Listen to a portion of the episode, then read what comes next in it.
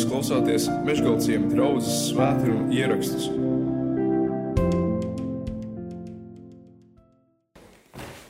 Es aicinu, ka mēs varam uz brīdi kājās piecelties, lai ieklausītos rakstos. Un eh, šodien kopīgām pārdomām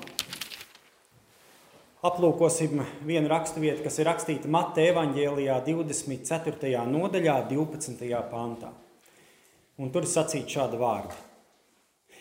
Un tāpēc, ka netaisnība ies vairumā, mīlestība daudzos izdzisīs. Āmen! Paldies, dārgais eh, debesu Tēvs, par eh, Tavu žēlastību, ka mēs varam šodien būt Tavā namā. Paldies, Jēzu, ka Tu mūs pieņem tādu, kādi mēs esam, un ka pie Tevis mēs patiesi varam nākt nemāksloti, bet patiesi. Un tas ir tikai tāpēc, ka Tu esi siržu pazinējis. Tēvs, arī šajā rītā redzi mūsu sirdis. Tēvs, tu redzi, kas mums katram vajag. Tēvs, tu redzi maskas, kuras mums jānovelk, lai tu pie mūsu sirdīm varētu klāt tikt. Tēvs, lūdzu, nāc un palīdzi mums šajā rītā saprast tavu vārdu, ka tavs vārds var bagātīgi mājot nevien mūsu prātos, bet arī mūsu sirdīs. Jo tikai sirds var nest augļus, patiesas atgriešanās augļus. Nāc arī pie savu kalpu, dāvā man pazemīgu sirdi un bību tavā priekšā, ka tavu vārdu sludināšu. Un paldies tev, Tēvs, par tavu žēlastību, ka var būt tavā namā un sludināt tavu evaņģēlīju. Lai tev vienam ir gods, slavu un teikšana mūžīgi mūžos. Āmen. Variet apsēsties.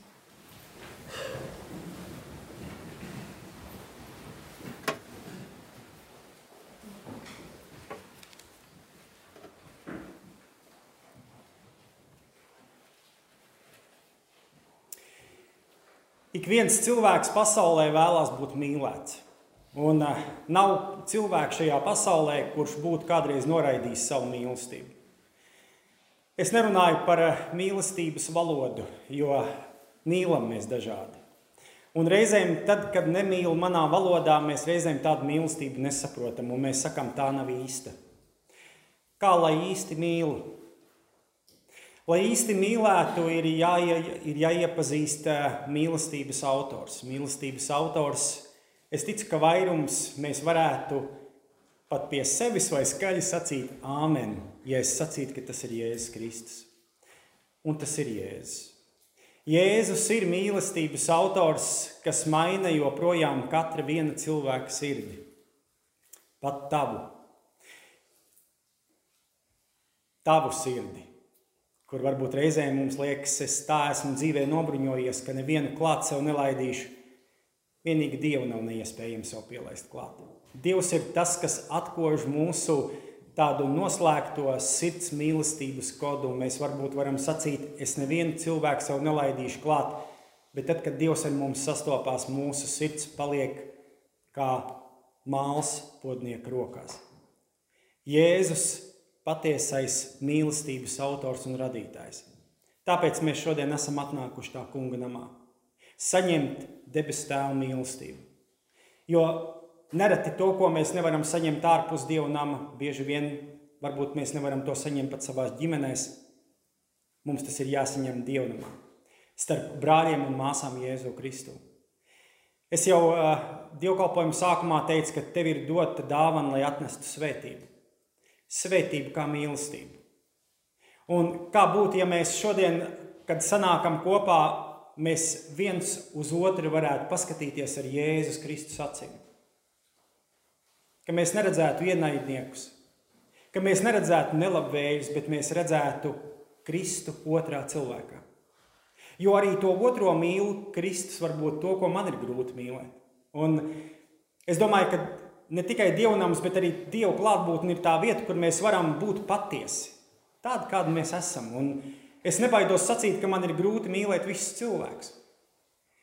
Un reizēm Dievs mūsu dzīvē tieši pieved cilvēkus, kurus mums ir visgrūtāk mīlēt. Un mēs varbūt piedzīvojam kādu situāciju savā dzīvē, kur mēs varam matus no galvas noplēst un Dievam izkliegt, Dievs, kāpēc tu atkal to cilvēku? Es tev varu pateikt atbildi, tas ir tevis augšanai lai tu vairāk varētu mācīties mīlēt. Mīlēt otru.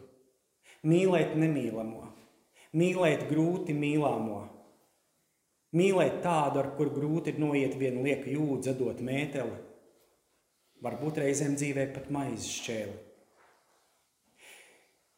Tik slavenā raksturvieta Bībelē Jāņa 3.16, kur šim eh, slavenajam pantam, Bībeles pantam, kas ir izskanējis visā pasaulē, un es arī domāju, turpina izskanēt, kas ir uz daudzām dievnamu sienām, kā viens mīlestības apliecinājums, lai visa pasaule to dzirdētu, un tur ir vārdi, jo tik ļoti Dievs pasauli ir mīlējis. Tā panta sākums ir tā sāls. Ziniet, kāpēc? Jo tik ļoti. Dievs nepaskaidro, cik ļoti. Mēs reizēm savā dzīvē visu gribam izmērīt. Izmērīt to, ko mums dod, izmērīt to, ko mums sniedz. Mēs reizēm mērām dāvanas, jo mazāk dāvana, jo mazāk mīlestības, jo lielāka dāvana, jo vairāk mīl. Dievs saka, jo tik ļoti Dievs ir pasauli mīlējis. Un mēs varbūt nereti šo pantu lasot, mēs gribētu tā ielasīt iekšā un censties paskaidrot, nu, cik ļoti Dievs to pasauli ir mīlējis, cik ļoti Dievs mīl tevi. Tas pants aizslēdz skaidrojumus. Ar neizskaidrojumu, ar neizskaidrojamu mīlestību Dievs pasauli ir mīlējis. Jo viņš ir devis savu vienpiedzimušo dēlu. Jo redziet, tikai ar neizskaidrojamu mīlestību, ar mīlestību, kas pāri plūst, tu vari dot to dārgāko. Un reizēm otram dot to dārgāko, kas ir tev, ir visgrūtāk. Jo tas kaut ko paprasa. Jo mīlestība ir upuris. Un ja tu neesi gatavs upurēt mīlestības vārdā, arī attiecībās, arī laulībā, arī savā ģimenē, tu patiesībā neesi gatavs mīlēt. Es nezinu, cik šajā rītā tev to viegli ir sadzirdēt, bet ja tu neesi gatavs upurēt, tu neesi gatavs patiesi mīlēt. Šodien mums nevajadzētu būt pārsteigtiem, kādiem, kādā pasaulē mēs dzīvojam. Īpaši Dieva bērniem, tiem, kas mēs lasām vārdu, un mēs zinām, kas ir rakstīts Bībelē, Un mēs bieži vien tā iestiprinot viens otru, mēs arī atsūtām Bībeles pantu, mēs pazvanām un ar vārdu stiprinam. Un es arī ticu, ka jūsu draudzītās svētdienas dievkalpojums ir par to, ka vārds ir dievkalpojuma centrā. Un caur vārdu jūs viens otru ceļat ticībā, eh, stipriniet, atgādiniet Dieva apsolījumus, ko mēs bieži vien aizmirstam.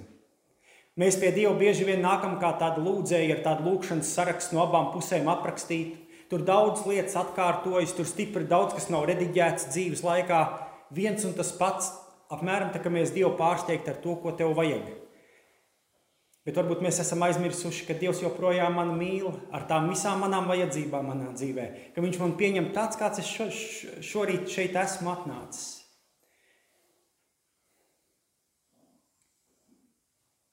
Bībele šo laiku, kurā mēs dzīvojam, ieskicē jau ļoti tālā pagātnē. Un Jēzus mācekļiem 24. nodaļu saviem mācekļiem viņš velta, lai atgādinātu kādus vārdus, jeb kādu e, pamācību, proti, kādā pasaulē viņiem būs jākalpo. Tas nav stāsts tikai par tiem mācekļiem, tas ir šodien stāsts par tevi un mani. Kādā pasaulē dzīvojam un kādā pasaulē mums būs jākalpo kā Dieva bērniem. Un tur ja Jēzus vārdi tikai pāris pantus tā kontekstam. Un izgājis no tempļa, tas ir no baznīcas, Jēzus aizgāja. Tad viņu mācekļi piegāja pie viņu, lai rādītu viņam tempļa celtnes. Bet Jēzus atbildēja tiem un sacīja, vai jūs visu to neredziet?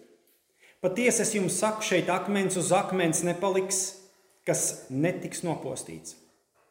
Un viņam uz eļļas kalnu sēžot mācekļi piegāja pie viņa atsevišķi un sacīja: Saki mums, kad šīs lietas notiks un kādas būs tavas atnākšanas un pastarā laika zīmes.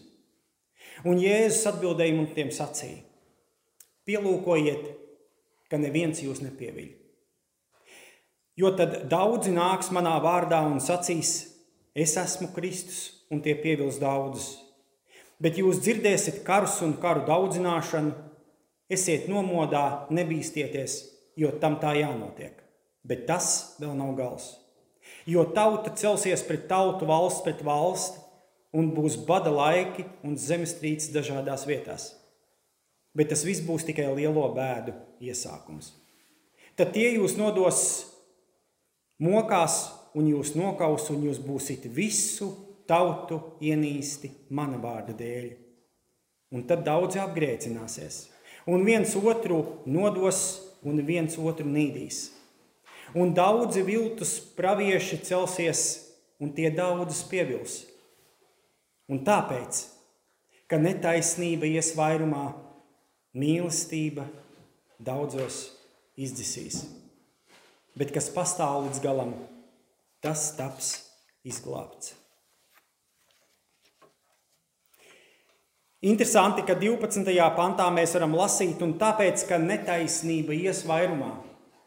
Nu, ja es varētu izmantot šo brīdi, kas stāv jūsu priekšā, un pajautāt tev personīgām pārdomām, cik tu šodien apkārt pasaulē redzi netaisnību. Es domāju, ka mums ir, ka mēs varētu grāmatas sarakstīt par, par netaisnības vairošanos šajā pasaulē, kurā mēs dzīvojam Un Jāņa evanģēlijā mācekļi vienā vietā Jēzums saka, 17. Eh, nodaļā, kas ir saucamā augstspriestera lūkšana, kur Jēzus lūdz lūkšanu starp savu debesu tēvu, proti viņi sarunājās, un Jēzus saka savam debesu tēvam, nepaņem viņus no šīs pasaules, tas ir tevi un mani, bet pasargā viņus no ļauna. Nevis paņem projām, bet pasargā no ļauna. Kāpēc Jēzus saka šos vārdus? liep lūdzu savam tēvam. Man ir bijušas dzīvē situācijas, kur es esmu gribējis pazust no šīs pasaules. Kaut vai redzot netaisnību apkārt, negodīgumu, zaimus, mīlestības trūkumu. Bet mans kungs saka, nevis paņem raivi prom no šīs pasaules, bet pasargā viņu no ļauna. Proti, mēs dzīvojam šajā pasaulē ar tādu misijas sajūtu. Man viens paziņš teica, lai raivi dzīvot šajā pasaulē, ir jābūt mazliet pustrakam. Cik šodien pustraks esi tu? Es ticu, ka daudzi varbūt uz dievnamiem skatoties un uz ticīgiem cilvēkiem, kas lasa Bībeli un grūtībās slavē Dievu.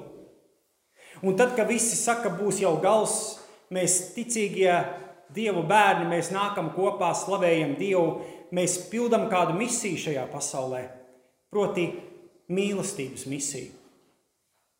Jo, ja mēs neesam iepazinuši mīlestības autoru, mēs jau laikam patiesi nespējam ne misiju pildīt, ne misiju pildīt.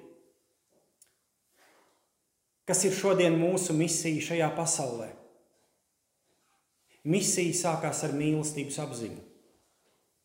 Viss cilvēks, ko tu esi dzirdējis, kas ir devušies misijā, palīdzēt citiem cilvēkiem, kā šajā brīdī kaut vai tas notiek Ukrajinā, kur cilvēki daudz ko atdod no sevis, lai būtu citam, tāpat arī ar Dievu bērniem. Mums šodien ir jāmācās daudz ko no sevis novilkt un atdot to, ko mēs esam noglabājuši skapjos, vai arī sakrājušas piecas servīzes, ko mēs nekad dzīvē varbūt nelietosim, un atdot tam, kam nav. Mīlestība paprasa atdot no sevis to, kas tev ir dārgs. Kas šodien ir dārgs tavā dzīvē? Ko šodien tu sargā? Ko šodien varbūt tu saki, es nevis vien esmu gatavs to atdot citiem, bet es pat viņu neesmu gatavs kustināt no tās vietas, kur es viņu esmu nolicis. Lai mīlētu, ir jādod. Lai mīlētu, tev kaut kas no sevis ir jādod. Netaisnība ir mīlestības ugunsdzēsmais aparāts. Netaisnība apslāpē mīlestības uguni cilvēkos. Un interesanti, ka 24. nodaļā Mateja evanģēlijā un 12. pantā ļoti labi paskaidro, kāpēc mīlestība iet mazumā. Tas pants patiesībā visu pasaka. Tāpēc, ka netaisnība vairojās. Tāpēc, ka netaisnība vairojās, tāpēc mīlestība iet mazumā. Un, un es ticu, ka arī tu varbūt šodien skatoties tajā kontekstā, kurā tu dzīvo, klausoties ziņas, klausoties cilvēkus apkārt, tu saki, nav viegli. Nav viegli ne tikai izdzīvot šo laiku, bet ir grūti arī ar tādu apziņu dzīvot un varbūt arī redzēt, ka cilvēkos mīlestība izdziest. Cilvēkos mīlestības izdziest. Cilvēki paliek ar vien neiejūtīgāki, varbūt dusmu pilnāki. Un varbūt jau nedusmojās uz mani. Varbūt tu šajā rītā sēdi un varbūt tu esi dusmīgs par kaut ko. Varbūt par to, ko es esmu pateicis, un varbūt ko vēl nepateikšu. Mums katram ir savas problēmas dzīvēm. Mēs viņus risinām, un reizē mēs viņus risinām katrs pa savam, bet mēs arī dzīvojam kontekstā, kur reizēm dzīvē ir tik ļoti daudz lietas apkārt, ar kurām mēs netiekam galā. Un tad vēl man ir cilvēki, ko sauc par ģimeni, vai par vīru, sievu, bērni, radinieki, draugi, kuri vēl prasa, lai tu mīli. Kā var mīlēt otru, ja mīlestības nav pašā? Mēs reizēm no otra prasām neiespējamo. Reizēm no mums tiek paprasīts neiespējams lietas. Mīlēt. Ko nozīmē mīlēt? Mīlēt nozīmē atdot to, kas tev pašam ir dārgs.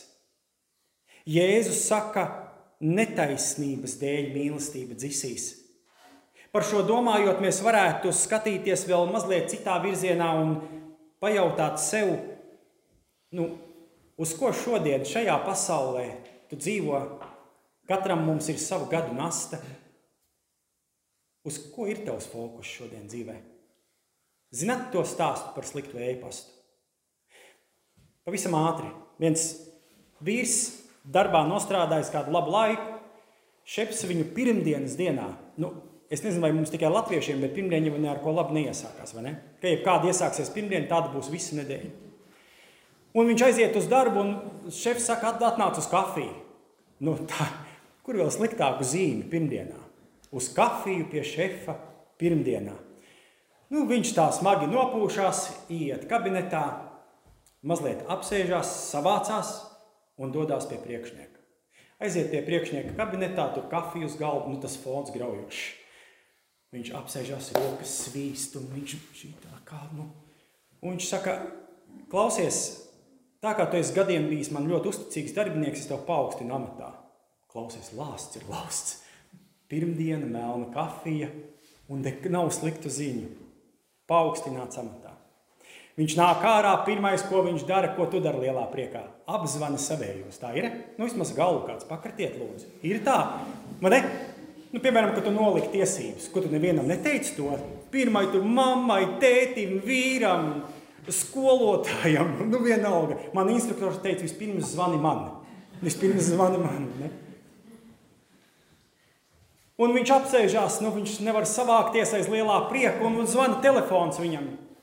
Un, un meita saka viņam, tēti, klausies, tu būsi opis. Viņš zvana, nevar noturēties, viņš zvana sievai un asars pacīm ārā. Viņš saka, sieva, kas man šodien pa dienu, un ir pirmdiena un man paaugstina amatā, un vai tu zināji, ka meita gaida bērniņu? Nu, tā tā diena paiet uz viļņa, tā kā sērferiem, uz viļņa virsotnes. Un nu, kāda stunda līdz dienas beig, darba dienas beigām viņš iet mājās un viņš datorā saņem ēpastu. Slikt, gaužām slikts ēpasts. Tur par neizdevušos projektu un par soda naudām. Un viņš brauc mājās. Un kā to liekas, par ko viņš domā? par tām divām labām ziņām vai par to vienu slikto ēpastu? Pa vienu sliktu ēpastu. Arī mēs tā reizēm dzīvi nodzīvojam. Mums ir tik ļoti labas lietas apkārt, Dievs devis. Reizēm tik ļoti labus cilvēkus apkārt, bet mēs atrodam vienu slikto. To vienu slikto ēpastu. Kā šodien ir tev? Tev, kas no tevis prasa, vai tevī mīlestība nav dzisusi. Jēzus šo pantu atgādina mums, Dieva bērni, vai mīlestība nav dzisusi manī? Jeb uz ko šodien es dzīvē skatos un kas ir mans fokus. Cik daudz es redzu labas lietas, par ko vakarā pateikt Dievam paldies, un cik es atrodu savā dzīvē vai savā pirmdienā lietas, par ko Dievam sūdzēties. Netaisnības dēļ mīlestība daudzos izdzisīs. Kā šodien ir ar draugu? Vai šodien draudzē mīlestība ciest? Vai šodien draudzē ir tā vieta, kur mīlestībai būtu jāvairojas? Vai šodien draudzē ir tā vieta joprojām, kur mīlestībai ir vislabākā augsne, kur viņai augt, kur viņai nobriest?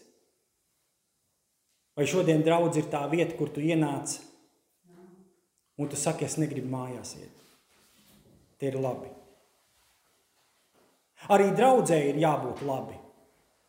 Arī draudzē ir jābūt labi. Arī draudzē ienākot ir jāsajūt mīlestību vienam no otra. Mīlestību no kunga. Jo šodien, tāpat kā tos daudzos gadus atpakaļ, kad tika sarakstīta evaņģēlīja, tā arī šodien, šajā laikā, Dieva mīlestība darbojas caur tevi un mani.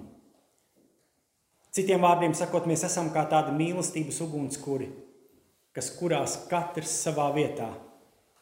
Nāriņciemā viens skaists ugunskurs, tukumā vēl viens, mežgalciemā vēl viens. Nesajauc, tas ir ugunskurs, nevis ugunsgrēks. Tas nav ugunsgrēks. Draudze nav ugunsgrēks, bet ugunskurs.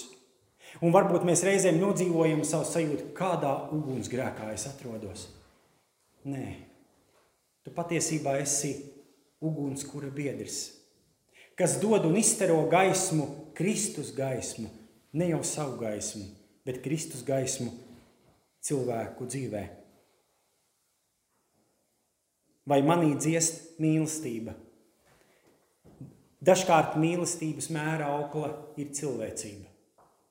Un, lai nomērītu mīlestību sevī pēc cilvēcības kritērijiem, tu vari sevi noskanēt.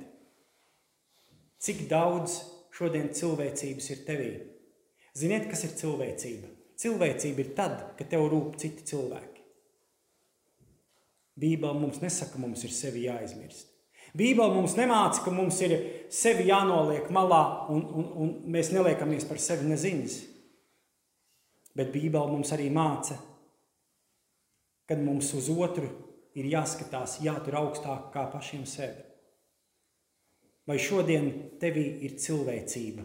Tas ir viens kritērijs, kā šodien draudzē un divi bērni var mērīt mīlestību savā sirdī un savā dzīvē. Mīlēt cilvēkus - grūtākais darbs pasaulē. Mīlēt cilvēkus, mīlēt nemīlamos, mīlēt tos, kas nerunā manā valodā, mīlēt tos, kuri nemīl tā kā mīlēs mīlestība. Vai šodien manī ir saglabājusies cilvēcība? Es sacītu, ka Pāvils pirmajā vēstulē korintiešiem 13. nodaļā, ziniet, kas tā ir par nodaļu? Mm, es jau kādi. Mm -hmm, mm -hmm. Es arī zinu, kas ir pirmā vēstule korintiešiem 13. nodaļa, un šodien šeit kāzas nenotiek. Bet vispār varbūt varētu notikt, ja kāds ir saņēmies, man ir licence arī salauzāt. Un pirmā vēstulē korintiešiem runā par mīlestību, un tur ir tādi no 4. 4 panti. Un Pāvils pirmā vēstule korintiešiem 13. nodaļa neapraksta mīlestību. Viņš apraksta mīlestības īpašības. Viņš atbild uz jautājumu, kāda ir mīlestība. Nevis kas ir mīlestība, jo mēs zinām, kas ir mīlestība. Mīlestība ir, ir, ir Jēzus Kristus. Kāda ir mīlestība? Un te viņš saka šādus vārdus. Mīlestība ir lēnprātīga. Mīlestība ir laipna. Tā neskauž, mīlestība nelielās, tā nav uzpūtīga. Tā neizturas piedaudzīgi, tā nemeklē savu labumu, tā neskaistas, tā nepiemīl ļaunu. Tā nepriecājas par netaisnību, bet priecājas par patiesību. Tā apklāja visu, tā tic visu, tā cer visu, tā panes visu.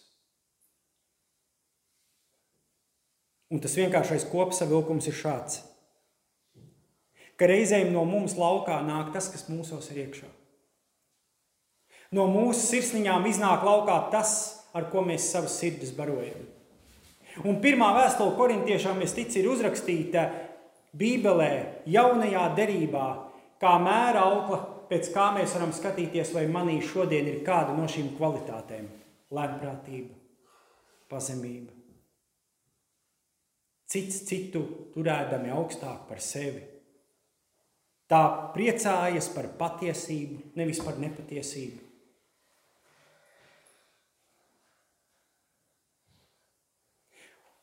Un tas bieži vien ir mūsu vecais, klibais ādams, kas no mums izlien laukā.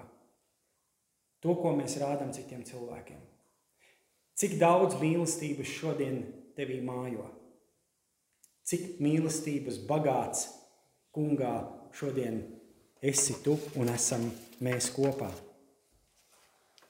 Un tad nu, noslēgumā trīs lietas – Trīs lietas, ko mēs varam paņemt sev līdzi, kā tādām praktiskām pārdomām, lai izmeklētu savu sirdi.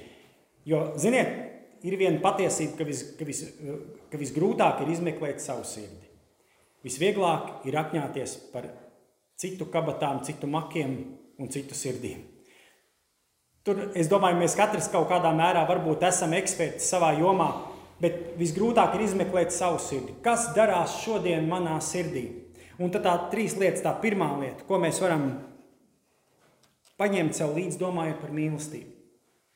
Tā pirmā lieta ir atvērsim savas sirdis Jēzum Kristum, jo viņš ir mīlestības autors. Jo tuvāk mēs savā ikdienā iepazīsim kungu Jēzu Kristu, jo viņš vairāk izmainīs tieši tavu sirdi. Un jo mēs tuvāk pienākam mūsu kungam Jēzum Kristum, jo apbrīnojam, neizskaidrojam apstākļu dēļ mūsu augstās sirdis sāk kust. Un mēs atļaujam podniekam šo mālu pikuci nodot viņa rokās.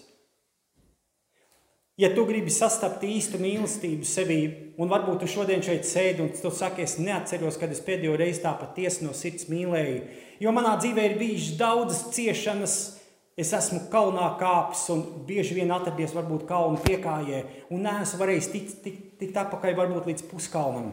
Ka es atkal esmu kritis lejā. Daudz man ir sāpinājuši un mani turpina sāpināt. Es neesmu bērnībā mīlēts, es esmu bērnībā cietis. Man daudz ir pārdarīts. Jā, mēs katrs šeit varētu sarakstīt romānu. Bet tad, kad mēs sastopamies ar kungu Jēzu Kristu, kaut kas notiek ar mūsu augstām sirdīm.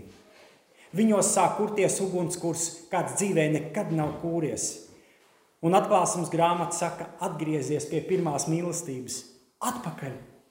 Atgriezies, nevis turpiniet uz priekšu, un mēs reizēm dzīvē kā tādi spītīgi āži. Piedodiet, es arī to par sevi saku. Mēs ejam durvīs, kas mums ir aizslēgtas, un, ne, un neredzam durvis, kas mums ir vaļā. Un Jēzus attaisa vienmēr durvis vaļā. Viņš saka, atnāc pie manis. Es izmainīšu tavu sirdi, ka tu spēsi mīlēt tā, ka tu neesi spējis mīlēt nekad dzīvē. Un aizslēgsim savu sirds netaisnībai. Netaisnībai mēs savu sirdi varam aizslēgt tikai tad, kad mēs esam personīgās attiecībās ar Jēzu. Tad mēs kļūstam tādi veselīgi, garīgi, akli uz lietām, kas mums nav jāredz. Man reizēm ir tāda lūkšana personīga lūkšana. Dievs dod man redzēt to, kas man ir jāredz, un neredzēt to, kas man nav jāredz. Es novēlu, lai arī tev šī lūkšana ir tavā ceļa somā. Dod man redzēt to, kas man ir jāredz, un neredzēt to, kas man nav šodien jāredz. Tā otra lieta. Te esi padomājis, par ko tu iestājies šajā pasaulē. Kas ir tā lieta, par ko tu iestājies šajā pasaulē? Nu, mēs, mēs varam redzēt par daudz ko iestājas pasaulē. Nu, nezinu, mēs te piedzīvojam, piedzīvojam Covid laiku, varbūt, kur tas bija redzams ļoti atklātā veidā. Viena iestājās, nevakcinēšos, otra iestājās, vakcinēšos. Tagad nāk viens jaunais vilnis, karš Ukrainā. Vieni saka tā, otrs saka tā. Ievēlēts mums jauns prezidents. Vieni saka tā, otrs saka tā. Un mēs dzīvojam sabiedrībā, kura tev spiež, spiež nepiespiestā veidā nostāties kāda pusē. Par ko tu iestājies šodien šajā pasaulē? Reizēm man rodas sajūta, ka apzināti pret mīlestību. Ka vienkārši apzināti pret mīlestību. Un es pamatošu, ko es gribu sacīt. Jo Pāvils saka, kamēr jūsu starpā ir kāri un ķildes, Kristus iet mazumā. Kamēr jūsu starpā, jūsu dzīvē, draudzē, ģimenē, starp radiem un draugiem ir ķildes un nesaskaņas, Kristus iet mazumā. Par ko tu iestājies? Kurā pusē šodien tu esi? Mēs zinām, mēs ļoti labi teorijas līmenī mēs zinām lietas dzīvē. Un mēs varbūt arī dzīvi dzīvojot, mēs nokļūdāmies, katrs mēs nokļūdāmies. Un mēs sev sakām, bet es zināju, kā vajadzēja darīt. Kāpēc, Raivi, tu tā nedarīji? Kāpēc tu tā nedarīji? Par ko mēs iestājamies? Trešā lieta. Un šī lieta varbūt mums visgrūtāk cilvēkiem nāks. Jo man personīgi, man personīgi viņa ir bijusi par tādu klupšanas akmeni, un es pamatošu kāpēc. Mums šodien ir jāpasludina evaņģēlijas, nevis jāpārveido cilvēki. Es kādreiz dzīvē mēģināju pārveidot cilvēkus. Vai ne? Vai ne? Tur, var, tur mums ir sarakstītas personīgās rokas grāmatas, tur mums ir padomi, tur mums ir dzīves pieredze, un tur mēs mācām, mēs mācām, kā mīlēt. Varbūt dzīvē paši nekad neesam mīlējuši. Mēs mācām, kā bērnu audzināt, varbūt nekad neesam bērnu audzinājuši. Tur mēs mācām, kā, kā, kā nodzīvot laimīgā laulībā, varbūt lai, laulībā nekad neesam bijuši. Mēs mācām. Mēs mācām cilvēkus. Bet ziniet, kas mums ir jāļauj? Nevis mums ir jāpārveido cilvēki, bet mums ir jāļauj, lai Kristus pārveido mūsu. Un tad, kad Kristus ienāk mūsu dzīvē un pārveido mūsu dzīvi, mūsu domas, mūsu sirdi, mēs varam atnest citiem to, kā varbūt reiz mums pašiem dzīvē nav bijis. Mēs esam sastapušies ar mīlestību. Jo nepiešķirsim Jēzum bezdarbnieku statusu. Mēs tā reizēm gribam Jēzum piešķirt bezdarbnieku statusu. Jēzus nolikt aiz durvīm un sacīt, pagaidi, tagad ir mans laiks. Jēzus saka, nē, es ļaušu tev izskrieties. Jums ir kādreiz tā vecāki teikuši, ka esat bijuši jauni. Es ļaušu tev izskrieties, lai dzīvē vēlāk varētu nostāties uz kājām. Jēzus varbūt tev šodien saka, tur aiz durvīm stāvēdams, kur tu viņas nolicis Viņš tev saka, izskrienies, aplausies, uzkāp uz tiem grābekļiem, uz kuriem tu kāp, un tad palaid mani. Es lietas sakārtošu. Pasludini, nevis pārveido. Un tas varbūt ir mūsu lielākais izaicinājums šodien dzīvojot 21. gadsimtā. Tu savā pilsētā, ciemā, mēs savā atrodoties savā darba vietā, savā draudzēs, ģimenē. Jo atcerieties, ka patiesais dievkalpojums jau nav šodien. Patiesais dievkalpojums sāks rīt. Pirmdienā aiz dievnam durvīm. Tur mēs esam tādi tā kunga bērni, ar ko mēs esam pildījuši savus sirdis. Vai nu dzīvības avots, no kā izverd mūžīgas traumas, kas nes svētību, vai vieta, kur tikai kādreiz bija avots. Lūksim Dievu. Paldies, dārgais debes Tēvs, par Tavu žēlstību, ka mēs šodien varam atkal no jauna baudīt. Paldies, Jēzu, par, par to, ka mēs varam Tev mācīties savā ikdienā, pazīt personīgi. Un paldies Tev, Jēzu, ka Tu mūs ved cauri dzīvei tik dažādām pieredzēm, tik dažādiem apstākļiem, Kristu. Bet visos dzīves posmos lai kādus mēs katrs būtu piedzīvojuši, debes Tēvs, tu esi viņos bijis līdzās. Un uh, mēs arī tev pasakāmies par šodienu. Šodien, kas varbūt mums katram ir kā atskaites punkts dzīvē, debes Tēvs, lai noskanētu ar caur tavu svēto garu mūsu katru vienu prātu un vienu sirdi un pajautāt sev, kā ir ar mani šodien. Cik daudz es mīlestības ienesu šajā netaisnības pilnajā pasaulē, kur netaisnība pieņemās spēkā, un tad nu esmu es, kuru tu esi brīnišķīgā veidā izredzējis, lai dāvātu ticību kā dāvanu, kur debes tēvs tu esi, kuram tu esi devis draugu, kurā mājot kā Dieva ģimenē, ģimene, darba vietu, mīlestības cilvēkus. Jeb citiem vārdiem sakot, pasaule kā treniņa zāle, kurā mēs varam mācīties, pieaugt Jēzus tevī. Debes Tēvs atver mums katram mūsu domas, mūsu sirdi, kad nomainās kungi no manis uz tevi, Kristu. Kad tu esi tas, kas nāk un valda, kad tu esi tas, kas nāk un piepilda manu sirdi ar mīlestību, tavu mīlestību, Jēzu. Lai tev vienam ir gods, slavu un teikšana mūžīgi. Āmen!